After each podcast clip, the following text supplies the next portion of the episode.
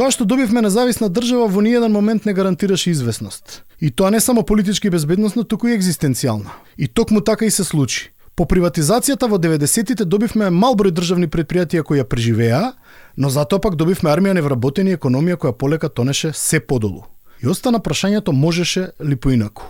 И кога малку се кренавме на нозе, а економијата почна да заздравува по конфликтот во 2001 година се поставија други дилеми. Монетарни, фискални, макро и микроекономски. Од она кон средината на 2000-тите околу курсот на денарот, стабилен или флуктуирачки, добија понови дебати за одливот на мозоци и работна сила или вечната порба помеѓу прогресивните и рамните даноци. И денеска кога се прашуваме како тоа руско-украинскиот судир толку ни ги осиромаши трпезите и обезвредни примањата, едно прашање останува можеби најупорно, но и најболно. Како тоа еден дел од општеството успеа да претвори огромни суми народни пари во своји пари, а некој немаше пристап ни до фер уделот во економскиот колач, кој онака не беше и се уште не е баш многу обилен. За овие теми разговараме со професор доктор Борче Триновски од економскиот факултет и професор доктор Александар Стојкот од правниот факултет Јустинијан Први.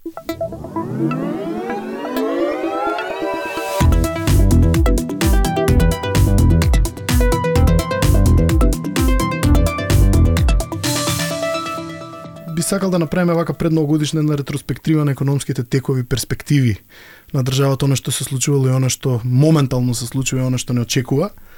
Па ако правиме на таква ретроспектива на економската историја на државата, можеме да кажеме дека економското самостојување на Македонија почна со еден од најголемите економски трансформации, тоа е приватизацијата. Колку одбраниот модел на приватизација овозможи или оневозможи побрзи и подобри економски резултати на младата македонска економија И можеше ли овој процес да биде спроведен по-фер и по-праведно кон оние кои беа собственици во, во наводници на тогаш обштествениот капитал? Благодарам за поканата.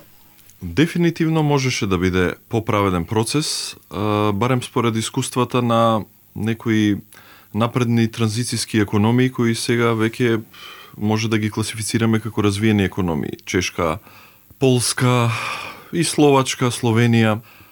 Приватизацијава кај нас почна уште во рамките на Југославија со оној славен закон на Анте Марковиќ, ја нарекува инсайдерска приватизација.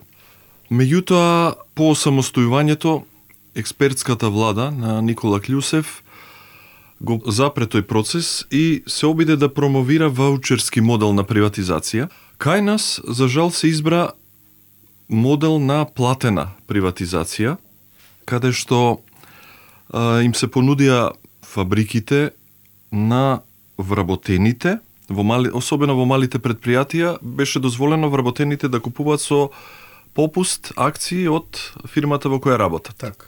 Значи беа исклучени сите други. А за големите а, и средните фирми беше овозможен и втор модел откуп од менаџерски тимови. Е тука мислам дека беше направена кардиналната грешка, бидејќи истата екипа на социјалистички директори Само се трансформираше. Само се трансформираше, ја презема собственоста во до, во дотогашните фирми, предходно многу ги обезвреднија за да може да ги купат поевтино, така. да. И образложението беше дека не можат работниците да управуваат со тие фирми, треба сепак менаџерски знаења Втора работа која ме мачи со години, а врзана е за нашата генерална пределба како држава, веќе доаѓаме некаде до 2000-ти години, малце го прескокнуваме овој непопуларен период на 90-тите, е да имаме фиксен курс на денарот врзан со еврото.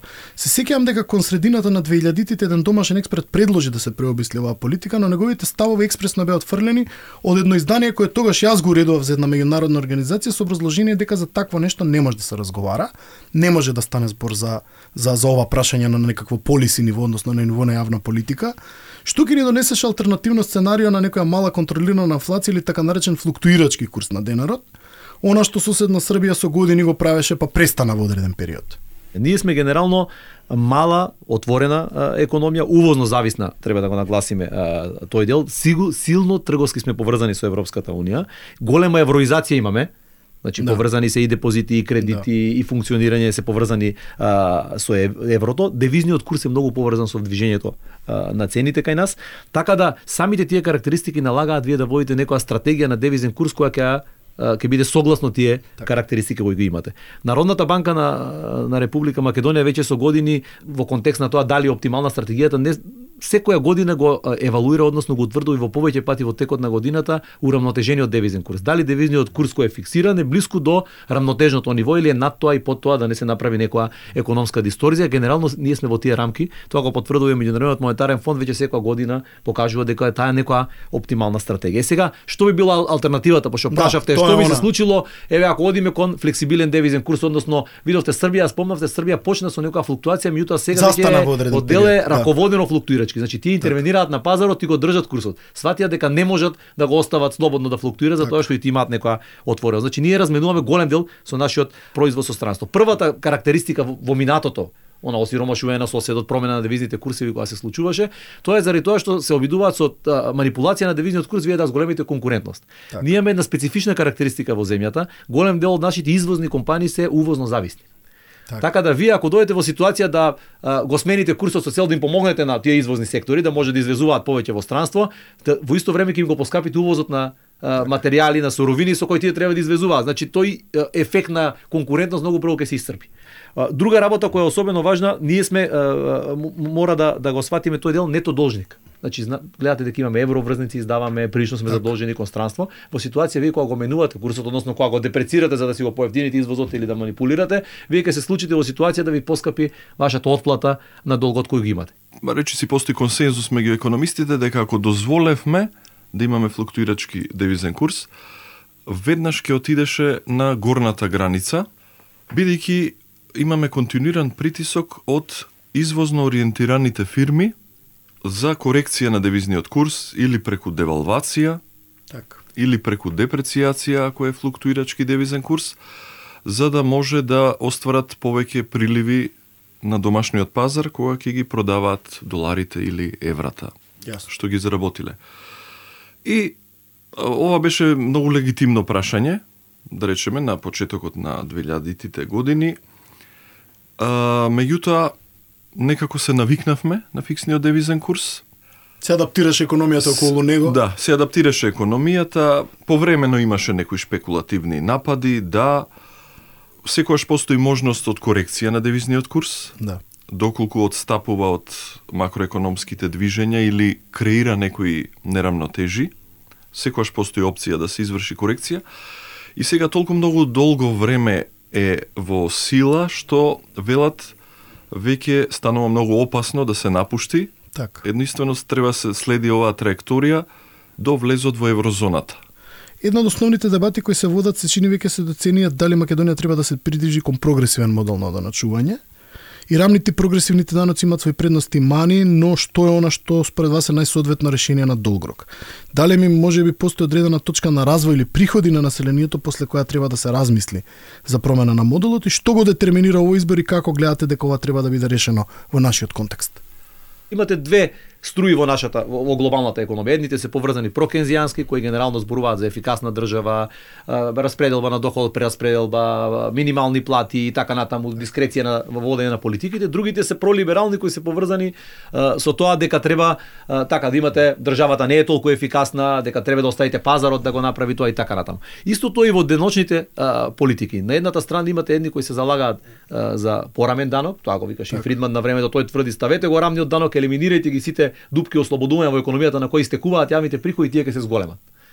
Од другата страна имате некои други кои зборуваат дека а, а, дајте да направиме фер начини на распределба на доходот кој е создаден на граѓаните. Тоа се користи гледат и кај нас. Првите тврдат дека треба фер услови да се создаде доходот, А вторите да а се вторите викаат распределат. да се дајте фер услови од кој- создадениот доход да го распределиме. И сега зошто прогресивен данок? Јас еве ќе влезам во таа насока, можеме и да го поврземе со спецификите на нашата економија. Можам да зборам зошто прогресивен и кои се контра аргументите, односно зошто Така. е било а, а, рамен. А, прво, оние а, прогресивен во видуваат затоа што тој најмногу што заработува треба најмногу да плати. Да го поставиме прашањето а, во контекст на друго прашање. Дали нам ни требаат повеќе буџетски приходи за да понудиме поквалитетни јавни услуги? Да можеме да ја подобриме инфраструктурата, да можеме да го подобриме квалитетот на здравството, образованието, социјалната сигурносна мрежа. Секогаш ќе има опоненти, да, ама видете колку има корупција и расипништво на страната на Да, буџетските тоа е расходи. аргумент. Да, тоа е главниот аргумент. Зошто да им се даваат уште приходи, ако Не ги користат не соодветно. ги користат наменски и законски, да, тоа е валиден аргумент и тоа треба паралелно да се бие како битка на расходната страна да внимаваме помудро да ги трошиме прибраните јавни приходи. Мислам дека рамниот данок веќе си ги одигрува последните години, веќе не дава некој придонес од аспект на поголем фискален ефект. Јасно. И мислам дека полека ќе се создава консензус дека макар и некоја блага прогресија би била поправедна од ова, Ова што е сега, да. решение. Се- Сега би сакал да поставам две прашања во врска со двата главни економски предизвици кои се како би рекле вие економистите макропредизвици. А, Првиот од двата големи предизвици на кои не успеавме да им најдеме трајно решение се чини дека она што економистите го нарекуваат екстрактивна економија, односно процес во кој постои спрега меѓу политичките и економските елити со цел екстракција на фондови кои од општи треба да станат приватни или со други зборови како нашите пари да се претворат во мои пари. А, тука секако не ја вбројувам само приватизацијата која веќе разговаравме, како најочигледен пример, туку јавни набавки, тендери, слични модалитети кои се идеална прилика за екстрактивна економија ако соодветно се нели во наводници насочат. Ова не е само штетно од аспект на корупција или економските штети кои се нанесуваат на буџетот, туку една од посочените причини за одлив на мозоци од државата за brain drain, особено во последно време во овој така наречен четврт бран на, на миграција кој ни се случува. Постои ли некакво барем на среден рок решение за ова состојба, односно како да почнеме да го адресираме ова прашање? Ова не е ракрана само на нашето општество, но како да се справиме во локалниот контекст? Ето, ова е одлично прашање, односно клучно прашање. Значи, ова е поврзано со функционирање на сите сфери, на сите сектори во државата, Да. со долгорочниот развој а, на државата и така натаму. Поврзаноста помеѓу она што ви го спомнавте, политиката, законите, институциите, ресурсите на кој начин се користат, таа една спрега која предизвикува мал број на луѓе, односно една интересна група во државата да користи доминантен дел од ресурсите, да е намалена довербата во државата, да, да е намалена довербата во институциите, да немаме ефикасна имплементација на законите, институциите да не обезбедуваат соодветни услуги на граѓаните. Тоа предизвикува незадоволство, низок економски раст, инвеститорите не се сигурни, странските инвестиции се променливи во таквата средина. Така да ова екстрактивна вие која спомнавте е клучно прашање. Ова ќе го спомнам од повеќе причини имајќи предвид дека високото ниво на политизација кој го имаме во сите пори, во сите сфери. Тоа е поврзано со начинот на креирање политики, она што го спомнавме. Сега дали а, па имате а, водење на политики, мерки, популистички мерки, носење кои се поврзани со тековните а, движења политички. А, ако земете пример, дури и, и буџетскиот циклус, економскиот циклус кој го имаме во државата е блиско поврзан со политичкиот. Ние правевме некои истражувања кои покажаа дека кои клучни ставки од дефицит, вработување, дури се намалуваат казните пред избори. За секој изборен циклус имаме определени промени кои можете и финансиски да ги видите. Тоа значи дека е поврзаноста помеѓу политичките елити и функционирањето на државата е многу силно. Е сега дополнително да кажеме зошто е неопходно ова да се промени. Ние сме во постапка на изработка на 20 годишна национална стратегија која се прави. Таму има еден многу интересен дел кој е поврзан со проекции на 20-30 години и го возможува универзитетот во Денвер и, утврдува кои се клучни фактори кои треба да се променат за вие да смените текот на државата, односно на, на растот кој го имат. Ако не смените ништо, од прилика проценките се као 2 до 3% растот не може да биде поголем. Што друго може вие да направите на среден рок, неизбежно за било каков раст да има, да се удвои растот, дури двојно ќе се зголеми растот, единствено е governance, начинот на управување и ефикасност она што вие го спомнавте, комплетна промена, од владење на правото, начинот на управување со институциите, користење на ресурсите и така натаму, и вториот дел е економијата. Економијата, пред се неформалната економија на малување на краток рок ќе направи буст. Меѓутоа, без овој дел кој вие го спомнавте, ако немаме промена, ние остануваме на ова ниво и нема никаква, значи оно бизнес as usual, ќе се останеме на истото сценарио и нема да имаме а, Со никаква минимален раст. Една од а, мерките која се препорачува е да има малку а, повисока пирамида на наградување за да може да привлечете поквалитетен човечки капитал во јавниот сектор. Така. Некои позиции навистина бараат голема одговорност, па и експертиза и би требало да има малку повисоки плати за да се мотивираат вработените да дојдат во јавниот сектор, да ги прифатат тие работни а, задачи. Значи, капацитетот на институциите сметам дека а, ќе се гради во овој процес на европски интеграции е, и тоа го гледам како некое најмоќно решение на среден рок. Така.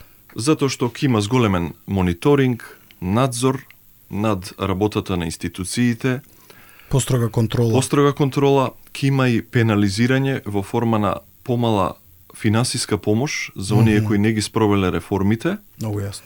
така што тоа го гледам како некој силен импулс малку да направиме пресврт во тој домен, бидејќи премногу се вкорени ова култура на неказнивост, Да. култура на нашите пет минути, Релативизација. релативизација, дури имавме неодамна и е, мерки во сосема обратна насока каде што се релаксира казните за злоупотреби на Да. Во ситуација каде што се индицира дека можеби не треба тој правец да се движиме. да, Да, да. така за жал. Добро, второто прашање, мислам дека го начнавме во одговорот на првото, кој се поставува, ќе стане уште погорливо во иднина, секако прашањето на недостиг на работна сила. Понекогаш не обвинуваат дека нас од универзитетите дека немаме соодветна комуникација со пазарот на труд, но сега се чини дека предизвикот стана многу поголем. Од една страна се полнат само оние факултети кои може да гарантираат брз излез на дипломците во странство, како што се финки, медицински факултети и така натаму, што создав впечаток дека нашето високо образование продуцира кадар, но не за овој пазар на труд, не за локалниот пазар на труд. Од друга страна, не сум сигурен дека македонското општество е спремно да прими голем наплив на работна сила од странство за да компензира за овие недостатоци. Тука причините се психолошки, политички и така натаму. Работодавците се жалат на веќе хроничен недостаток на работна сила, дури и државата очено бара квалификуван кадар за да пополни критични точки во јавна администрација, особено стручено на што го нарекуваме white collar workers. Има ли решение за оваа дилема? Каде да се бара излезот? Ако ја погледнете стапката на невработеност, ние се уште сме од земјите кои имаат прилично висока стапка на невработеност поредено со околината. Значајно се намали, меѓутоа се уште Да. околу 13-14 проценти, околу 100, 100 стотина илјади а, луѓе имаме невработени. Тоа мораме да го кажеме. Од друга страна, ако погледнете агенцијата за вработување и другите институции, тие тврдат дека некаде од 10 до па и во иднина ќе доаат до 2-13 ново отворени работни места има каде што не може да се да се задоволат, односно нема има слободни а, работни места. Сега гледате, ви имате се уште армија на невработени, а од друга страна имате побарувачка а, на работни места, односно луѓе кои не, не, не, нема понуда а, за тие работни места. Ова е во, во контекст на ква, квантитетот, на бројките кои ќе видиме. Меѓутоа, кога ќе погледнеме во квалитетот, ќе видите дека уште позначена е разликата. Во контекст на вештините кои се бараат, Да. тука е можеби целата целата а, поставка кога ќе ги видите вештините на невработените и вештините на оние кои се бараат, видите дека има огромен јас. Значи имаме Дискрепанца. дискрепанца и проблемот значи не е само во бројот, значи луѓето се тука, меѓутоа тие не ги задоволуваат вештините, квалитетот на работната сила не е соодветен на она што го бара моментално бизнис секторот. Од друга страна имаме уште еден резервар кој не смееме да го забореме, се уште имаме најголем армија на, на неактивно население на пазарот на труд. Значи се уште постои можност за зголемување на активноста. Значи не само од невработените, него имаме дел од оние кои нема не се на пазарот на труд, а можеме да ги активираме и да ги вклучиме. Значи се уште постои резервари во таа насока кои можеме да го вклучиме и да обезбедиме некоја понуда пред да решиме да увезуваме работници и така натаму. Ни се случува масовна емиграција, нели, одлив на млади луѓе, на цели семејства. Од друга страна, бизнисот почнува да притиска за некои квоти за привремен престој на странски работници. Мислам дека нема- Циркуларна миграција, така на Да, циркуларна миграција, е, ти ќе се бараат што поголеми квоти бидејќи тој дефицит, недостиг на пазарот на работна сила се чувствува во многу сектори Сегменти, да. И а, ќе има многу силен а, притисок барем вака за привремен а, увоз на работна сила. Од друга страна, мислам дека нашето општество не е подготвено за имиграција во пошироки размери, интеграција во нашето општество, бидејќи сме мал број на граѓани и тоа брзо би ја Се плашат луѓето од изместување на демографската слика во демографската структура брзо би се променила и мислам дека тука би имало огромен отпор Да. за евентуална имиграција. Добро, сосема за крај нешто многу актуелно. Можеме ли да објасниме на слушателите како украинската криза влијаеше на инфлацијата во државата, односно каква е врската помеѓу оно што се случи по инвазијата на Украина од страна на Русија и влијанието на таа криза на локално ниво. На многу луѓе поврзаноста на овие два феномена не им е јасна, па ќе можеме ли да ја разјасниме накратко, за да им биде јасно како во Украина го направи оно што се случи во Македонија практично. Кога дојде украинската криза, таа беше поврзана голем дел со несигурноста, поделба на светот, поларизација на светот, меѓутоа беше поврзана и пред се за нашиот регион со голем број од суровини, производи кои што се Станаа недостапни. Кои станаа недостапни, се прекинаа трговските текови, неизвестноста порасна и така натаму и цените нагло пораснаа. Гледате жито, овес и така натаму. Ем се прекинаа ланците на снабдување, дополнително се ограничија производствените капацитети, гледате за житото додека да го најдат решението. Сега имаме па друг проблем. Увозот преголем на тоа жито ги намалува цените, па дел дел од земјите забрануваат да влезе украинското Да, жито. Гледате, така е. пазарот се регулира на тој начин. Меѓутоа самата неизвестност, самите ограничени трговски текови, самите зголемување на цените после ковид и на транспортот и така натаму создадоа едни перфектни услови за цените на најголем дел од клучните производи глобално да почнат да растат. Зошто кај нас се случи тоа? Видите, ние увезуваме најголем дел од производите. Ние зборуваме дека сме увозно зависна земја и пред себе енергијата и храната, ние сме високо зависни од увоз на енергија и храна. Во таква ситуација кога имате нарушувања глобални, додека се приспособи пазарот, вие сте исклучително ранливи. И тука вашата одбрана кон тоа е многу тешка. Би издвел два канали, едниот е енергетиката, енергијата и вториот храната. Храната. Значи, ние не знаевме дека Украина и Русија, но пред се Украина, биле толку многу значајни производители на некои клучни прехрамбени производи, пченица, Пченица, да. сончогледово масло. И кога почна војната, знаете дека тоа беше невиден шок на страната на понудата.